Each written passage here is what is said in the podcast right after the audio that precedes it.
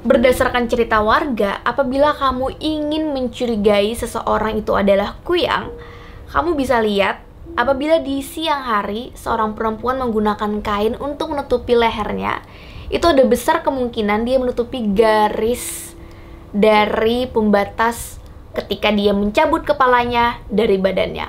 Atau seseorang dengan rumah yang memiliki semacam jendela kecil di bagian atasnya Sedangkan jendela itu tidak memiliki fungsi sama sekali. Konon katanya, kuyang bisa keluar dari jendela kecil itu.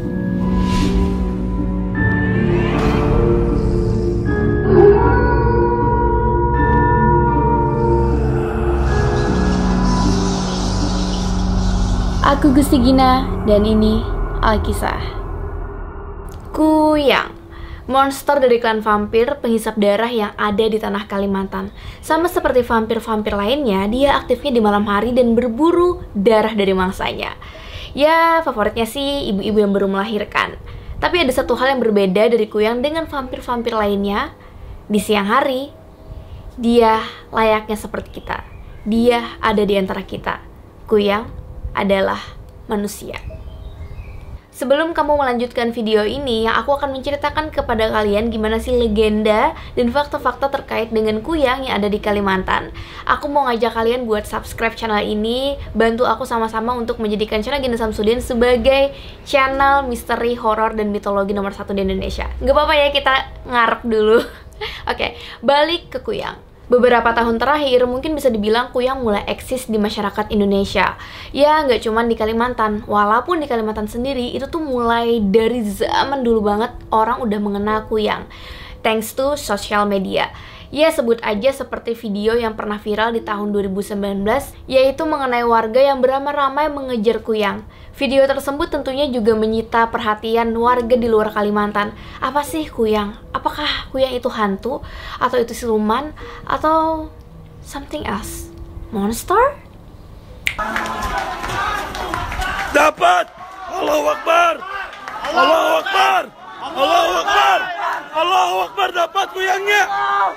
Allahu Akbar! Allahu Akbar dapat kuyangnya! Allahu Akbar dapat kuyangnya!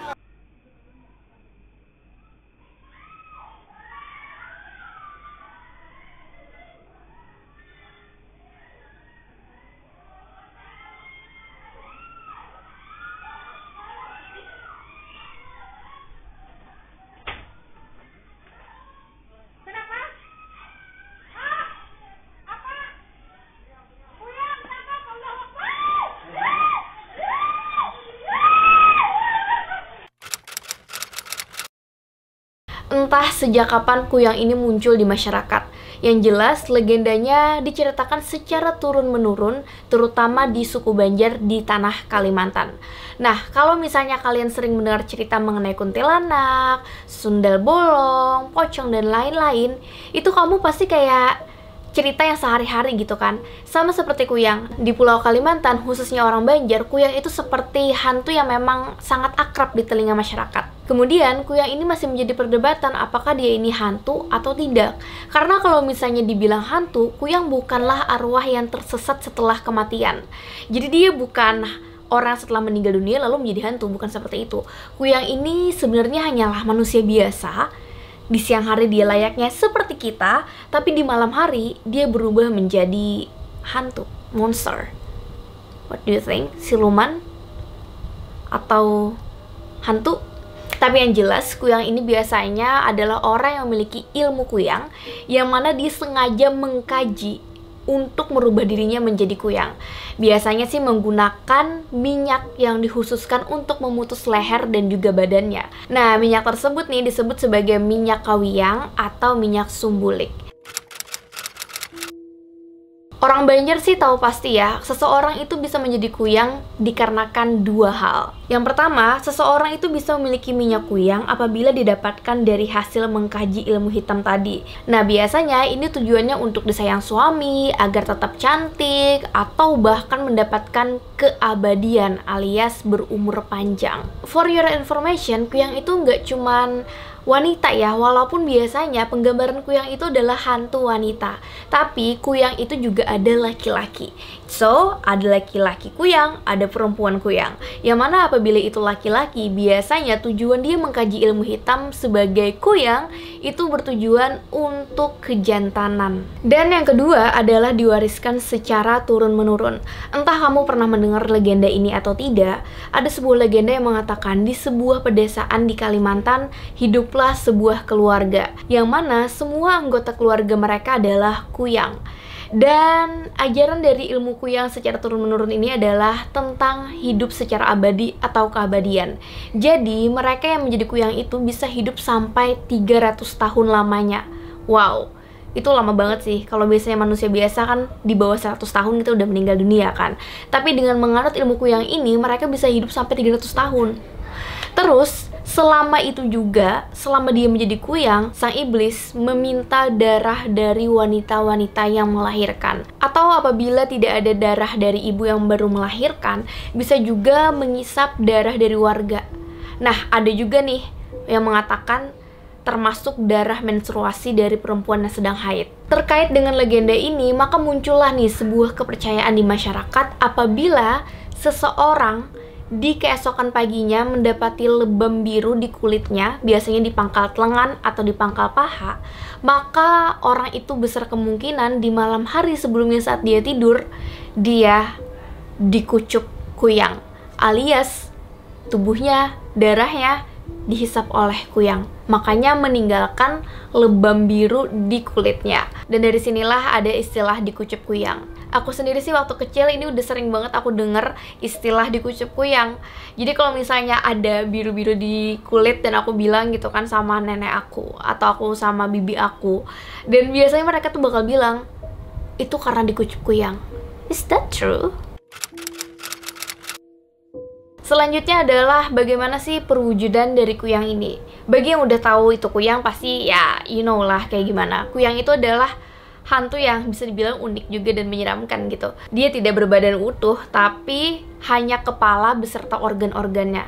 Makanya seperti yang aku bilang sebelumnya itu ada minyak kawiyang atau minyak kuyang yang apabila dioleskan di leher di malam hari maka kepalanya ini akan terangkat beserta dengan organ-organ di dalamnya. Begitulah wujud kuyang. Dan untuk kepalanya itu tergantung apakah dia kuyang laki-laki atau kuyang perempuan.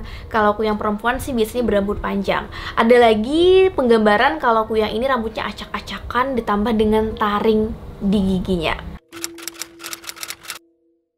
Selain wujudnya menyeramkan, rupanya kuyang ini dapat dikenali ketika dia sedang berterbangan di malam hari. Jadi, kalau orang di Kalimantan itu melihat kuyang, biasanya mereka bisa mengidentifikasi dari cahaya yang terbang. Nah, kuyang ini kalau dari jarak jauh, itu nggak kelihatan. Kepala, organ-organ itu nggak kelihatan. Yang terlihat adalah cahaya.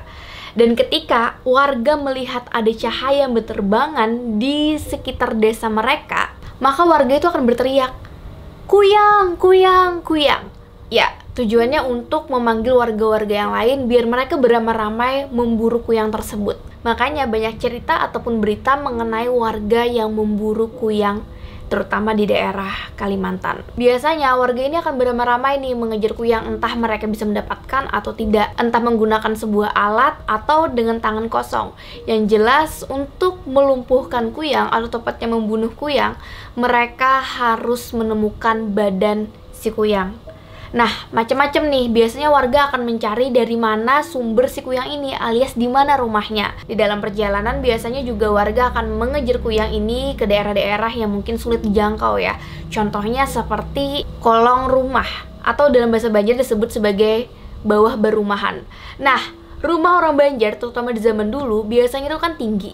Jadi, antara tanah dan juga lantai itu tuh ada space yang tinggi ada kemungkinan kuyang itu bersembunyi di sana atau juga kuyang bisa bersembunyi di hutan-hutan kayak gitu di atas atas pohon.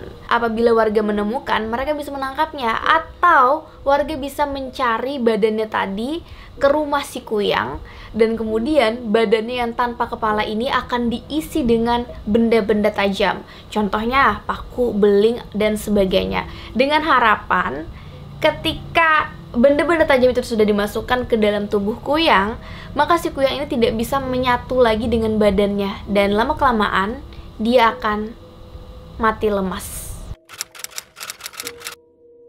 Bagi orang Banjar, teror kuyang ini bisa dibilang cukup menyeramkan ya, apalagi di zaman dahulu, sehingga mereka pun memiliki kepercayaan bahwa kuyang ini bisa ditangkal. Sehingga orang Banjar itu punya kepercayaan mengenai barang-barang atau benda-benda tertentu yang bisa melindungi mereka dari serangan kuyang di malam hari. Nah, biasanya nih warga akan menyiapkan benda-benda penangkal kuyang seperti bawang merah, terutama bawang merah tunggal, lalu ada cermin, sisir, pisau, dan rumput jariangau. Biasanya barang-barang ini juga akan ditempatkan nih di dekat ibu yang baru melahirkan atau bayinya. Bahkan ini juga dilakukan oleh para bidan yang ada di Kalimantan.